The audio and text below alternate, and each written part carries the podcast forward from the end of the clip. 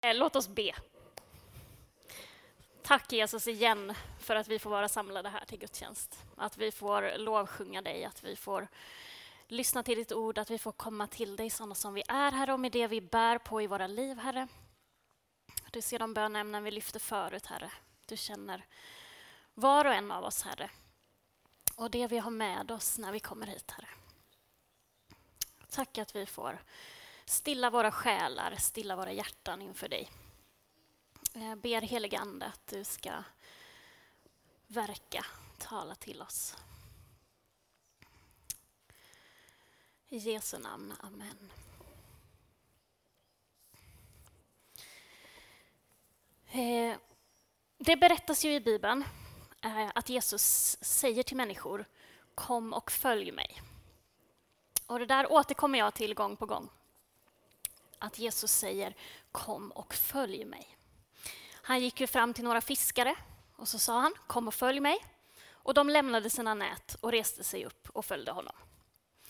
Han gick fram till en tullindrivare, Levi eller Matteus, och sa Kom och följ mig. Och han lämnade sitt jobb vid tullen och följde Jesus. Eh, det berättas att han sa det till Filippos. Kom och följ mig. Och Filippos följde honom. Men Filippos gick också till sin kompis Natanael och sa Vi tror att vi har funnit Messias. Kom med och se. Mm.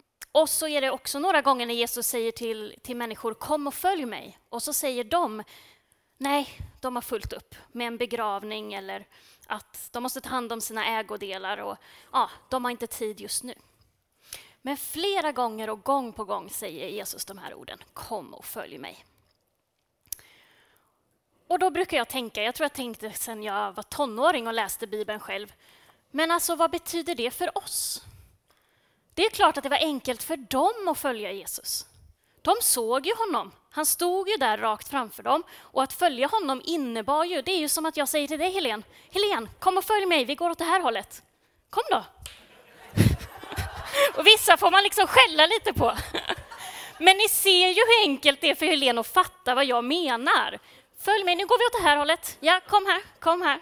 Ja. Och du kan slå dig ner igen. Tack för din medverkan. Eh, det, det, är klart det var enkelt för dem. Men, men vad betyder det för oss att följa Jesus? Vi som inte har Jesus i fysisk form framför oss. Alltså där det inte är att jag följer Jesus genom att gå med mina ben liksom på det här sättet. Vad, vad betyder det för oss? Vi får ju lära känna Jesus genom hjärtats tro och genom att den helige Ande uppenbarar för honom för oss. Men vad betyder det att följa honom? Eh.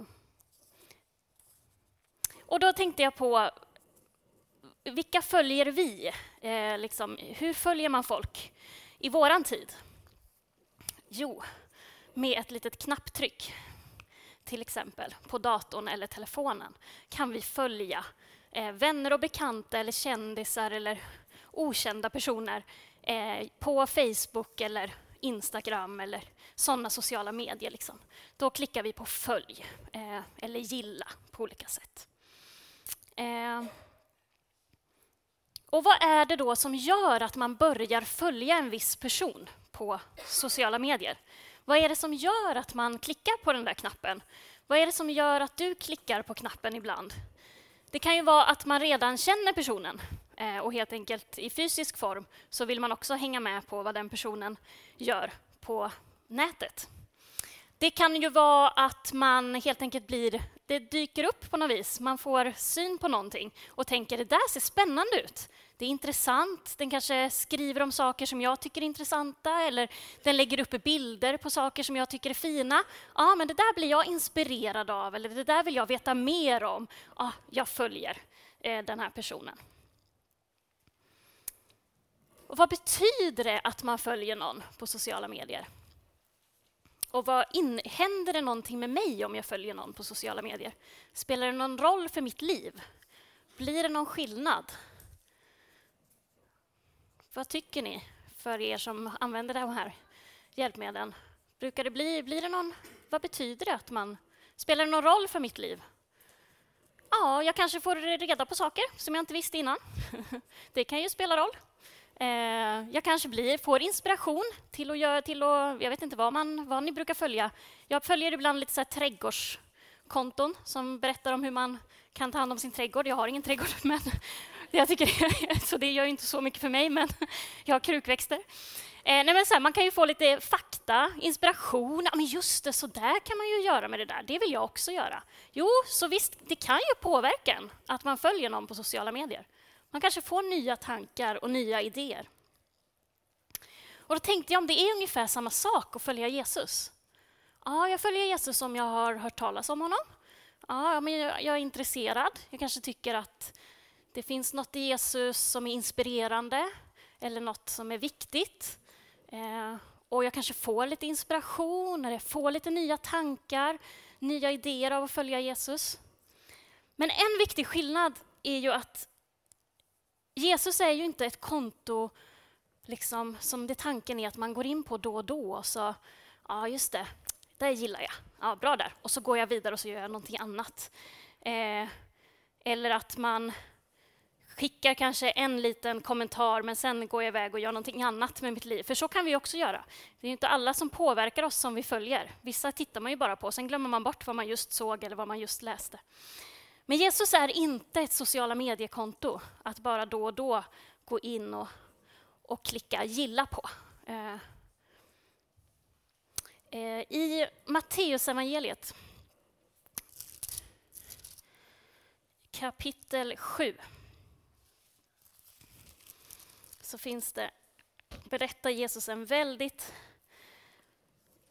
eh, känd liknelse om de två husbyggarna. Att eh, en byggde hus på sand, en byggde hus på en klippa.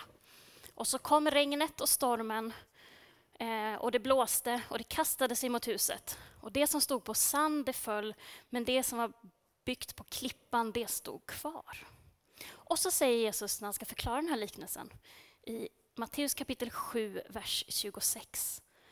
Men den som hör dessa mina ord och handlar efter dem. Jag tror jag tog fel vers här, men eh, jag ska säga där, vers 24. Den som hör dessa mina ord och handlar efter dem liknar alltså en klok man. Den som hör dessa mina ord och handlar. Inte bara höra och tycka att det man hörde var bra, alltså en gilla. Eh, utan höra och göra. Alltså säger Jesus, när vi väljer att lyssna till Guds ord och också handla efter dem, också göra dem, det är då det sker en förändring i livet. Det är då det påverkar och spelar roll att vara kristen. Eh, och Bibeln säger ju en massa saker om Guds vilja för våra liv. Han säger älska Gud, älska din medmänniska, älska din fiende. Förlåt den som har gjort något dumt emot dig. Ge till den som ber dig. Och Jesus säger till och med, sälj vad du äger och ge till de fattiga. Och Bibeln talar om att lita på Gud. Lägg ditt liv i Guds hand. Lita på honom, han kommer att hjälpa dig, står det i Psaltaren. Jesus säger vidare, gör er inga bekymmer. Och så säger han, när du bjuder på lunch eller middag, bjud då inte dina vänner eller syskon eller släktingar eller rika grannar. Nej, när du bjuder till fest, bjud fattiga och handikappade och lama och blinda. Och så jättemycket fler saker som Jesus säger. Och det här är inte så här statusuppdateringar som Jesus skickar ut för oss att trycka gilla på. Utan det här är utmaningar där Jesus säger kom och följ mig på den här vägen som går mot Guds rike. Det här är det att följa mig. Att älska andra människor, eh, att ge till dem som behöver, eh, att förlåta, att inte göra sig några bekymmer det är att följa Jesus.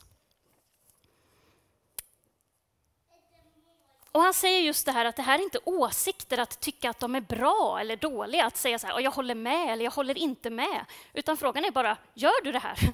Är det det här? Det här är det livet som Jesus säger, det här kallar jag er att leva. Eh, och det är inte att så bara sitta bredvid och säga ja, det var bra eller dåligt.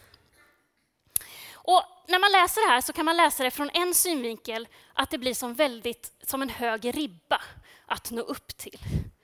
Eh, oj, oj, oj, det här var svåra och tunga grejer. Ska jag älska min fiende? Ska jag ge bort allt jag äger? Oj, oj, oj, det var, det var tufft. Och, och då är det lätt att gå genvägen till att tänka så här, så Jesus menade det nog inte riktigt så. Det var nog inte det han menade riktigt. Men ett annat perspektiv, att se det från ett annat håll, är att se det inte som en ribba som man ska nå upp till och liksom sträva mot och oj vad nu jag ska bli en duktig kristen. Utan att se det just så som Jesus säger till människor, kom och följ mig. Alltså se det som en väg.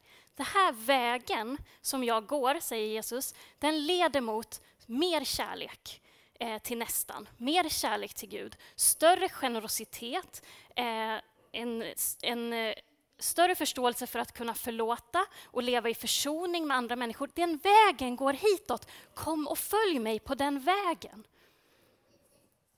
Och om vi då säger just det här, oj, nej men jag, oj, det vet jag inte om jag klarar. Nej men eh, ska jag älska min fiende? Ja men då säger Jesus, okej, okay, det, det känns jobbigt för dig, men vad kan du göra då? På den vägen, om det är målet där borta, att älska din fiende, vad kan du göra? Kan du låta bli att prata illa om din fiende? Ja, kanske, säger vi då. Jo, men, ja, men kan du det? Ja, men då är du på väg åt rätt håll. Då har du tagit steg på den vägen, då följer du mig. Eller om vi säger så här, äh, nej men jag kan inte sälja allt jag äger. Eh, det, det, det känns helt omöjligt och jättekonstigt och det vill jag typ inte göra. Nej, okej, okay, säger Jesus. Vad kan du göra? Hur mycket kan du ge bort av det du har? Kan du öka din givmildhet lite grann för varje år? Om det handlar om en krona mer, då går du på vägen dit vi är på väg. Där målet är, och det kanske vi aldrig når på den här jorden, för vi är ju som vi är, men där målet är att kunna ge av allt man har till andra. Men vilket är det första steget ditåt? Eller så säger vi, Ja, precis. Eller så säger vi, nej men jag kan inte förlåta den som har gjort mig illa. Nej, okej, okay, men vad kan du göra? Vad kan du göra för att reparera skadan så gott som möjligt hos dig själv och inte sprida mer oförlåtelse i ditt liv? Så det Jesus frågar efter, kom och följ mig på den här vägen där målet är allt detta och där jag kallar dig att ta de steg du kan på den vägen. För det är att följa Jesus. Och jag tror jag skickade ut det i ett av mina bibelbrev här på mejlen. Eller jag tror det i alla fall. Att ibland så kanske det svåra med Bibeln inte är det vi inte förstår i Bibeln. Utan ibland kanske det svåra är just det vi för, förstår. Alltså, okej, okay, älska din fiende. Det finns inget svårt i de orden. Älska din fiende. Allihopa här förstår de orden. Det är inte svårt.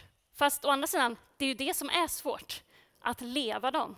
Att det svåra med Bibeln kanske inte är att inte förstå Bibeln, men däremot att leva den, att följa den, att gå i den riktningen som Bibeln pekar på.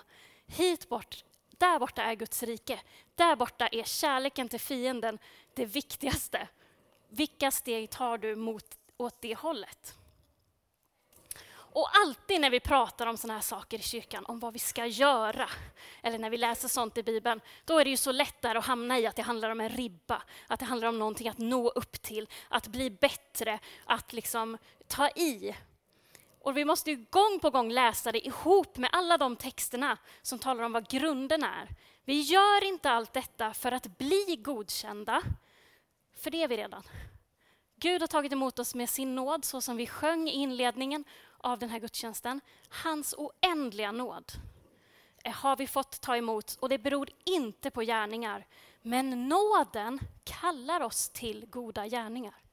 Nåden kallar oss att leva ut det här livet som Jesus eh, presenterar och som Jesus säger.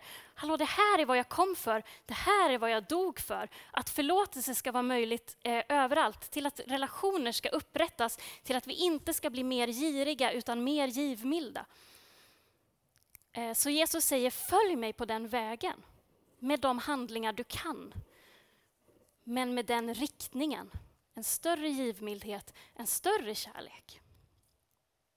Och det är inte så att Jesus sitter på någon slags, eh, tron. han sitter på en tron, eh, det tror vi, han är upphöjd så här. men det är inte så att han sitter som en slags härskare och liksom tittar ut över alla sina undersåtar och säger så här, du ska göra det här, gå och sälj allt du äger, gör det här, förlåt dem som är elaka mot dig, älska dina fiender. Och så sitter han liksom där och pöser i sin stora godmodighet och liksom så här, jag är kungars kung och herrars herre och nu ska ni jobba på där nere.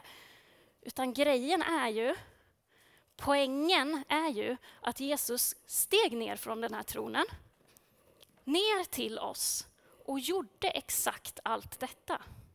Han älskade sina fiender.